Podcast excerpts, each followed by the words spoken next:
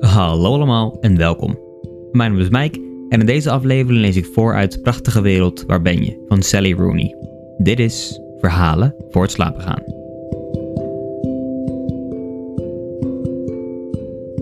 Sally Rooney is een Ierse schrijfster. Ze werd in 1991 geboren en studeerde Engels aan het Trinity College in Dublin.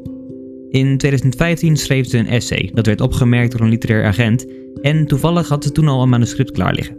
Dit manuscript stuurde de agent rond en er werd door maar liefst zeven uitgeverijen opgeboden.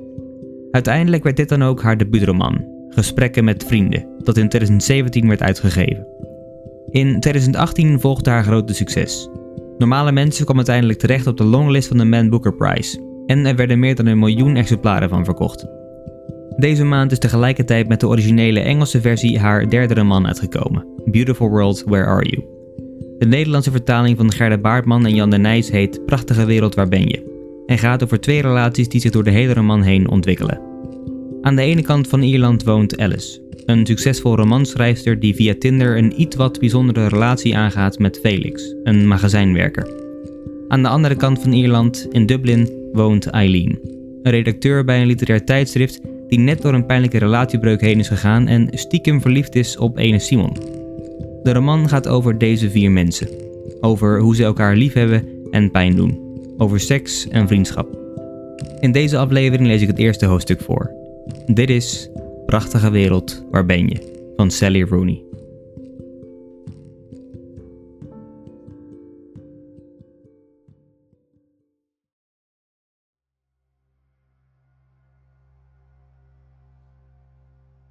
Prachtige wereld, waar ben je? Hoofdstuk 1 Een vrouw zat in een hotelbar naar de deur te kijken. Ze zag er netjes uit. Witte blouse, blond haar achter haar oren. Ze keek op het schermpje van haar telefoon, dat een berichten-app liet zien, en toen weer naar de deur. Het was eind maart. Het was stil in de bar en buiten, boven de Atlantische Oceaan, begon de zomer onder te gaan. Het was vier over zeven, toen vijf over, toen zes. Even inspecteerde ze zonder waarneembare belangstelling haar nagels. Om acht over zeven kwam er een man binnen. Hij was tenger en had donker haar en een smal gezicht. Hij keek om zich heen naar de gezichten van de andere gasten en richtte zijn blik toen op zijn telefoon. De vrouw bij het raam zag hem wel, maar deed geen moeite om zijn aandacht te trekken. Ze keek alleen. Ze leken ongeveer even oud, eind 20, begin 30. Ze liet hem gewoon staan totdat hij haar zag en naar haar toe kwam. Ben jij Alice? vroeg hij. Klopt, antwoordde ze. Ik ben Felix. Sorry dat ik zo laat ben. Geeft niet, zei ze vriendelijk. Hij vroeg wat ze wilde drinken en liep naar de bar om te bestellen. De serveerster vroeg hoe het met hem ging en hij antwoordde: Goed. En met jou? Hij bestelde een vodka tonic en een bier. Hij nam het flesje tonic niet mee naar het tafeltje, maar leegde het met een snelle, geroutineerde polsbeweging in het glas. De vrouw aan het tafeltje trommelde met haar vingers op een bierveeltje en wachtte. Haar houding was na de binnenkomst van de man aletter en levendiger geworden. Ze keek nu naar de zonsondergang alsof die haar interesseerde, al had ze er eerder geen aandacht aan besteed. Toen de man terugkwam en de glazen neerzette, gutste er een druppel bier over de rand en ze volgde de snelle afdaling langs de zijkant van het glas. Je schreef dat je hier pas was komen wonen, zei hij, toch? Ze knikte, nam een slokje, likte haar bovenlip af. Waarom? vroeg hij. Hoe bedoel je? Ik bedoel, er verhuizen hier niet vaak mensen naartoe. Hier vandaan verhuizen ligt meer voor de hand. Je bent hier niet voor je werk, toch? Oh, nee, niet echt.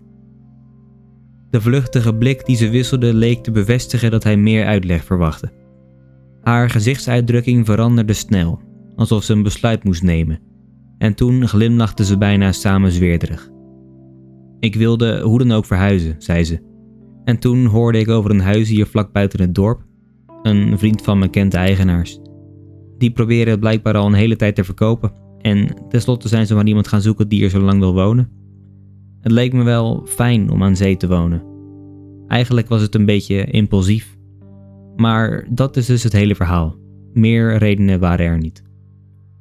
Hij dronk en luisterde. Aan het eind van haar verhaal leek ze een tikje zenuwachtig te worden, wat zich uitte in kortademigheid en een uitdrukking van zelfspot op haar gezicht. Hij keek onaangedaan naar het schouwspel en zette zijn glas neer. Oké, zei hij. En hiervoor woonde je in Dublin. Ook. Ik heb een tijdje in New York gewoond. Ik kom oorspronkelijk uit Dublin, dat had ik al verteld, geloof ik.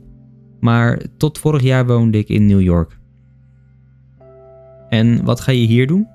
Zoek je een baan of zoiets? Ze zweeg. Hij glimlachte, leunde achterover en keek naar haar. Sorry voor al die vragen, zei hij, maar ik zie het hele plaatje nog niet echt. Nee, ik vind het niet erg, maar ik ben niet zo goed in antwoord geven zoals je ziet. Wat doe je voor werk? Dat was mijn laatste vraag.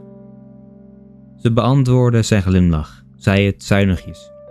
Ik ben schrijver, zei ze. En jij, wat doe jij? Zo bijzonder is mijn werk niet. Ik vraag me af waar je over schrijft, maar dat zal ik je niet vragen. Ik werk in een magazijn buiten het dorp. Wat doe je daar? Tja, wat doe ik allemaal? antwoordde hij bedachtzaam. Bestellingen uit de schappen bij elkaar zoeken, in een karretje leggen en naar de inpakafdeling brengen. Niet echt spannend. Vind je het niet leuk? Jezus, nee, zei hij. Ik heb er een pesthekel aan. Maar ze betalen me niet om dingen te doen die ik leuk vind, hè? Zo gaat het nu eenmaal met werk. Als het leuk was, zou je het ook wel voor niks doen. Ze glimlachte en zei dat dat klopte. Buiten werd het donkerder en in het caravanpark gingen de lichten aan. De koele, zoute gloed van de buitenlampen en het warmere gele licht achter de ramen. De serveerster was achter de bar vandaan gekomen om de lege tafeltjes met een doekje af te nemen. De vrouw, die Alice heette, keek een paar seconden naar haar en toen weer naar de man. Wat doen de mensen hier in hun vrije tijd? vroeg ze. Hetzelfde als overal. Een paar pubs, een club in Balina, ongeveer 20 minuten rijden hier vandaan. En de amusementshal natuurlijk, maar dat is meer voor de jeugd. Je hebt hier zeker nog geen vrienden. Ik geloof dat jij de eerste bent met wie ik praat sinds ik hier woon. Hij trok zijn wenkbrauwen op. Ben je verlegen? vroeg hij. Zeg jij het maar. Ze keken elkaar aan. Ze leek niet meer zenuwachtig, eerder afstandelijk, en zijn ogen zochten haar gezicht af alsof hij ergens achter probeerde te komen. Uiteindelijk, na een paar seconden, leek hij tot de slotsom te zijn gekomen dat hem dat niet was gelukt. Zou kunnen, zei hij. Ze vroeg waar hij woonde en hij zei dat hij hier vlakbij samen met vrienden een huis huurde. Hij keek uit het raam en zei dat je zijn buurtje van hieruit bijna kon zien, even voorbij het caravanpark. Hij boog zich over het tafeltje om het aan te wijzen, maar zei toen dat het al te donker was. Hoe dan ook, daar was het, aan de andere kant. Toen hij zich naar haar toe boog, ontmoetten hun blikken elkaar.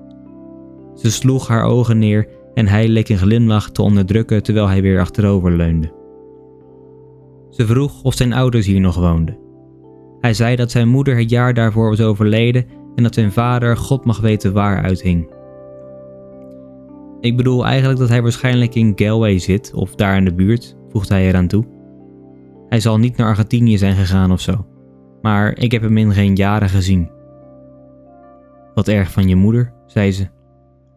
Ja, dank je. Ik heb mijn vader trouwens ook al een tijd niet gezien. Hij is niet zo betrouwbaar. Felix keek op van zijn glas. Oh, zei hij. Drank? Hm. En hij verzint ook allemaal verhalen. Felix knikte. Ik dacht dat het eerder jouw werk was, zei hij. Bij die opmerking bloosde ze zichtbaar, wat hem leek te overvallen en zelfs te alarmeren. Haha, zei ze. Maar goed, wil je nog iets drinken? Na het tweede glas namen ze nog een derde. Hij vroeg of ze broers en zusjes had en ze zei ja, één, een jongere broer. Hij zei dat hij ook een broer had. Na het derde drankje was Alice's gezicht rood geworden en stonden haar ogen glazig. Felix zag er nog net zo uit als toen hij binnenkwam, zijn gedrag en zijn toon waren onveranderd, Maar terwijl haar blikken steeds meer door de ruimte dwaalden en blijk gaven van een diffuus soort belangstelling voor haar omgeving, besteedde hij juist meer aandacht aan haar, oplettend en doelgericht. Ze liet de ijsblokjes in haar lege glas rinkelen en vond dat blijkbaar amusant. Wil je mijn huis zien? Vroeg ze. Ik wil er zo graag mee pronken, maar ik ken niemand die je kan uitnodigen. Ik bedoel, ik ga mijn vrienden natuurlijk wel uitnodigen, maar die wonen ze wat overal. In New York. Vooral in Dublin. Waar staat het huis ergens? vroeg hij. Op loopafstand? Ja, dan zal ik wel moeten. Ik kan niet rijden. Jij? Nu niet, nee. Ik zou het er in ieder geval niet op wagen. Maar ik heb wel een rijbewijs. Oh ja? mompelde ze. Wat romantisch. Wil je er nog een of zullen we gaan? Die vraag, of althans de formulering of het gebruik van het woord romantisch, vond hij merkwaardig. Ze vroette in haar tas en keek niet op. Ja, laten we maar opstappen. Waarom niet? Ze stond op en begon haar jas aan te trekken. Een beige regenjas met een enkele rij knopen. Hij keek toe terwijl ze een van de manchetten omsloeg omdat de andere al omgeslagen was. Toen ze allebei stonden bleek hij maar een klein beetje langer te zijn dan zij. Hoe ver is het? vroeg hij. Ze lachte plagerig. Heb je je bedacht? vroeg ze. Als het te ver voor je is, kun je hem altijd nog in de steek laten en teruggaan. Ik ben er wel aan gewend. Aan dat wandelingetje bedoel ik. Niet aan het in de steek gelaten worden. Dat misschien ook wel, maar dat vertel ik doorgaans niet aan onbekenden. Daar reageerde hij niet op. Hij knikte alleen, met een wat Norse, leidzame uitdrukking op zijn gezicht. Alsof dat aspect van haar persoonlijkheid, die neiging om geestig en breedsprakig te zijn na een kennismaking van een uur of twee, een hoedanigheid was die hij had opgemerkt, maar had besloten te negeren. Hij groette de serveerster toen ze weggingen. Dat viel Alice op en ze keek achterom alsof ze die vrouw nog eens goed in zich wilde opnemen. Buiten op de stoep vroeg ze of hij haar kende. De branding sloeg zacht, sussend achter hen op het strand en het was koud. Dat meisje dat daar werkt? vroeg Felix. Ja, dat is Sinead. Hoezo? Ze zal zich wel afvragen wat je daar met mij kwam doen. Ik denk dat ze wel zo'n idee heeft, antwoordde Felix vlak. Welke kant moeten we op? Alice stak haar handen in de zakken van haar regenjas en begon heuvelopwaarts te lopen. Kennelijk had ze een soort uitdaging of zelfs afwijzing in zijn toon bespeurd en dat leek haar niet te intimideren, maar haar vastberadenheid juist te versterken. Hoezo? Spreek je daar vaak met vrouwen af? vroeg ze. Hij moest snel lopen om haar bij te houden. Wat een vreemde vraag, zei hij. Vind je? Dan ben ik zeker een vreemd mens. Gaat het jou wat aan of ik daar vaker met mensen afspreek? vroeg hij. Natuurlijk niet. Wat jij doet gaat me niets aan. Ik ben gewoon nieuwsgierig. Daar leek hij over na te denken. En intussen herhaalde hij zachter en minder zelfverzekerd: Ja, maar ik zou niet weten wat jou dat aangaat. Na een paar seconden voegde hij eraan toe: Jij had dat hotel zelf voorgesteld. Weet je nog? Normaal ga ik daar nooit heen. Dus nee, ik spreek daar niet vaak met mensen af, oké? Oké, prima. Mijn nieuwsgierigheid werd geprikkeld door jouw opmerking over dat meisje achter de bar. Dat ze wel zo'n idee zou hebben wat we daar deden. Ze zal vast wel hebben begrepen dat we een date hadden, zei hij. Meer bedoelde ik niet. Ze keek niet om, maar Alice's gezicht drukte wel meer geamuseerdheid uit dan eerst. Of een ander soort geamuseerdheid. Vind je het niet vervelend als mensen die je kent zien dat je een date met een onbekende hebt? vroeg ze. Dat ik me opgelaten zou voelen of zo? Nee, daar zit ik niet zo mee. De rest van de wandeling langs de kustweg naar Alice's huis praatte ze over Felix' sociale leven. Of liever gezegd, Alice stelde vragen waar hij over nadacht voordat hij ze beantwoordde, en vanwege het geruis van de zee praten ze allebei harder dan eerst. Hij toonde zich niet verrast over haar vragen en beantwoordde ze bereidwillig, maar niet bijzonder uitgebreid. Hij gaf niet meer informatie dan ze vroeg. Hij vertelde dat hij voornamelijk omging met mensen die hij nog van school kende en met mensen van zijn werk. Die twee groepen overlapten elkaar gedeeltelijk, maar niet veel. Hij stelde geen wedervragen. Misschien afgeschrikt door haar afstandelijke reactie op de vragen die hij eerder had gesteld. Of misschien interesseerde het hem niet meer. Hier is het, zei ze op een gegeven moment. Waar? Ze duwde een wit hekje open en zei: Hier. Hij bleef staan en keek naar het huis, dat boven aan een hellende groene tuin stond. Er brandde geen licht en de voorgevel was niet goed zichtbaar, maar aan zijn gezicht was te zien dat hij het herkende. Dus je woont in de pastorie, zei hij. Oh, ik wist niet dat je het huis kende. Dan zou ik het in de bar wel hebben gezegd. Ik wilde niets mysterieus doen of zo. Ze hield het hekje voor hem open en hij volgde haar, met zijn blik nog steeds gericht op de contouren van het huis dat boven hem opdoemde en over zee uitkeek. Om hen heen ritselde de schemerige groene tuin in de wind. Ze liep lichtvoetig het pad op en zocht in haar tas naar de sleutels. Die hoorde ze ergens in de tas rammelen, maar ze leek ze niet te kunnen vinden. Hij wachtte zwijgend. Ze verontschuldigde zich voor het oponthoud en knipte het lampje op haar telefoon aan zodat de tas van binnen werd verlicht en er ook een koud grijs licht op het toepje van het huis viel. Hij stond met zijn handen in zijn zakken. Hebbes, zei ze. Ze stak de sleutel in het slot. Ze kwamen in een ruime hal met rood-zwart geblokte tegels op de vloer. Aan het plafond hing een gemarmerde glazen lamp en op een teer el tafeltje tegen de muur stond een otter van houtsnijwerk. Ze legde haar sleutels ernaast en wierp een snelle blik in de wazige, vlekkerige spiegel aan de muur. Huur je dit in je eentje? vroeg hij. Ja, zei ze. Het is natuurlijk veel te groot en het kost kapitaal om het warm te houden. Maar het is wel mooi, hè? En ik hoef geen huur te betalen. Zullen we naar de keuken gaan? Dan zet ik de verwarming weer aan.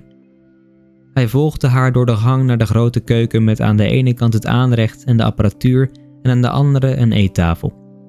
Het raam boven het aanrecht keek uit over de achtertuin. Hij bleef in de deuropening staan terwijl zij in een van de kastjes rommelde.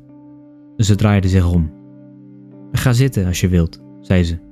Maar als je liever blijft staan, moet je dat natuurlijk doen. Wil je een glas wijn? Dat is het enige wat ik qua drank in huis heb. Maar ik neem eerst een glas water. Wat schrijf je zo wel, als je schrijver bent? Ze keek op, verbaasd. Als ik dat ben? Je denkt toch niet dat ik daarover lieg? Als ik dat had willen doen, dan had ik wel iets beter verzonnen. Ik schrijf romans, boeken, zei ze. En verdien je daar geld mee? Alsof ze een nieuwe betekenis in die vraag vermoedde, keek ze hem nog even aan en richtte haar aandacht toen weer op het vullen van het waterglas. Ja, zei ze. Hij bleef naar haar kijken en ging aan de tafel zitten. Er lagen kussens met gekreukte roestbruine overtrekken op de stoelen. Alles zag er heel schoon uit. Hij streek met het topje van zijn wijsvinger over het gladde tafelblad. Ze zette een glas water voor hem neer en ging zelf ook zitten. Was je hier al eerder geweest? vroeg ze. Je kent het huis. Nee, maar ik ben hier opgegroeid. Ik heb nooit geweten wie hier woonde. Ik ken ze ook nauwelijks. Een ouder echtpaar. De vrouw is kunstenaar, geloof ik. Hij knikte, maar zei niets. Ik kan je wel een rondleiding geven als je wilt, voegde ze eraan toe. Hij zei nog steeds niets en knikte zelf niet meer. Dat leek haar niet te storen.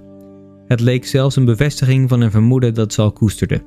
En toen ze verder ging was het op dezelfde droge, bijna sardonische toon. Je denkt vast dat ik gek ben, dat ik hier met een eentje woon, zei ze. Voor niks? Je zou gek zijn als je het niet deed, antwoordde hij. Hij gaapte ongegeneerd en keek uit het raam. Of eigenlijk naar het raam, want het was donker buiten en het glas weerspiegelde alleen het vertrek binnen. Hoeveel slaapkamers zijn er eigenlijk? vroeg hij. Vier. Waar is de jouwe? Bij die abrupte vraag keek ze niet meteen op, maar staarde een paar seconden strak naar haar glas voordat ze hem aankeek. Boven, zei ze. Ze zijn allemaal boven. Wil je ze zien? Ja, waarom niet, zei hij. Ze stonden op. Boven op de overloop lag een Turks vloerkleed met grijze franje. Alice duwde de deur van haar kamer open en knipte een staand lampje aan. Links stond een groot tweepersoonsbed. De vloer bestond uit kale planken en in een van de muren zat een open haard met jadenkleurige tegels. Rechts keek een groot schuifraam uit op zee in het donker. Felix liep naar het raam en bracht zijn gezicht dicht bij het glas, zodat zijn schaduw de schittering van het weerkaatste licht afdekte. Je hebt hier overdag vast een mooi uitzicht, zei Felix. Alice stond nog bij de deur. Ja, prachtig, zei ze. En s'avonds zelfs nog mooier. Hij draaide zich weer om en wierp een taxerende blik op de rest van de kamer terwijl Alice toekeek. Heel mooi, besloot hij. Een mooie kamer. Ga je een boek schrijven nu je hier bent? Ja, of in elk geval proberen. Waar gaan je boek over? Oh, ik weet niet, zei ze. Mensen. Dat is nogal vaag. Over wat voor mensen schrijf je? Mensen zoals jij? Ze keek hem kalm aan, alsof ze hem iets duidelijk wilde maken. Misschien dat ze hem doorhad, dat ze hem het spelletje zelf zou laten winnen zolang hij niet vals speelde. En wat voor mens denk je dat ik ben? vroeg ze. Iets in haar kalme, koele blik leek hem wat een stuk te brengen, en hij stootte een snelle, keffende lach uit. Ja, zeg, zei hij, ik ken je nog maar een paar uur. Ik weet nog niet wat ik van je moet vinden. Als het zover is, laat je het wel weten, hoop ik. Misschien. Ze bleef een paar seconden roerloos in de kamer staan, terwijl hij wat ronddrentelde en deed alsof hij van alles bekeek. Ze wisten allebei wat er ging gebeuren, al hadden ze geen van beiden precies kunnen zeggen hoe ze dat wisten. Zij wachtte onaangedaan terwijl hij rondkeek en eindelijk, misschien omdat hij de energie niet meer kon opbrengen om het onvermijdelijke uit te stellen, bedankte hij haar en nam afscheid. Ze liep met hem mee naar beneden tot halverwege de trap. Daar bleef ze staan terwijl hij de deur achter zich dichttrok. Zo ging dat soms. Ze hielden er allebei een vervelend gevoel aan over en ze wisten geen van beiden precies waarom de avond uiteindelijk zo'n mislukking was gebleken. In haar eentje op de trap keek ze naar de overloop boven. Volg haar blik. Zie dat de slaapkamerdeur nog open staat en dat er een reepje witte muur zichtbaar is tussen de spijlen van de trapleuning.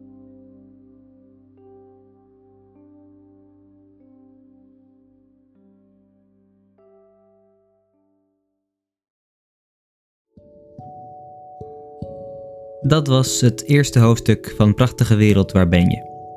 Er is nog niet bijzonder veel gebeurd, maar we hebben in ieder geval kennis gemaakt met de helft van de hoofdrolspelers uit het boek, Alice en Felix.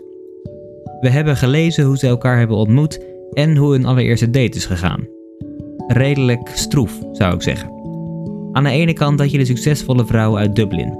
En aan de andere kant de nuchtere, simpele magazijnwerker uit een klein dorpje in het westen van Ierland. Verder lijkt er niet veel bijzonders aan de hand te zijn met de date. Het is nu eenmaal hoe een normale date zou gaan. Een drankje naar huis en soms gebeurt er dan alsnog niets. Hoewel deze date in eerste instantie lijkt te zijn gefaald, groeien Alice en Felix in de rest van de roman toch nog naar elkaar toe. Zo vraagt Alice na een paar hoofdstukken uit het niets of Felix meegaat naar Rome. En daar beginnen ze op een rare manier al meer voor elkaar te voelen. In de andere hoofdstukken zul je lezen over de relatie tussen Eileen en Simon, maar ook over de mailuitwisseling tussen Alice en Eileen, die beste vrienden van elkaar zijn. Zelf vond ik het heel bijzonder aan deze roman hoe goed het de complexiteit van sommige relaties en vriendschappen kan weergeven maar ook de rol van seks in relaties en vriendschap. Ik zou het boek persoonlijk zeker aanraden. En ik wil uitgeverij Ambo Antos dan ook heel erg bedanken dat ik er een stukje uit voor mocht lezen. Mocht je nou geïnteresseerd zijn geraakt en wil je zelf meer lezen, dan is het boek te bestellen bij je lokale boekhandel. Voor ik afsluit nog één dingetje.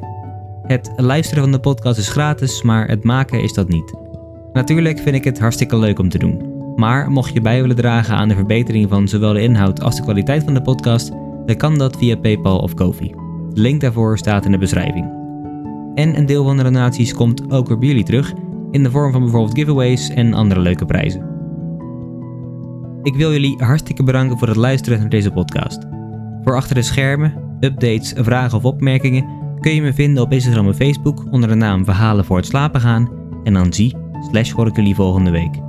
Voor nu, goede nacht, slaap zacht.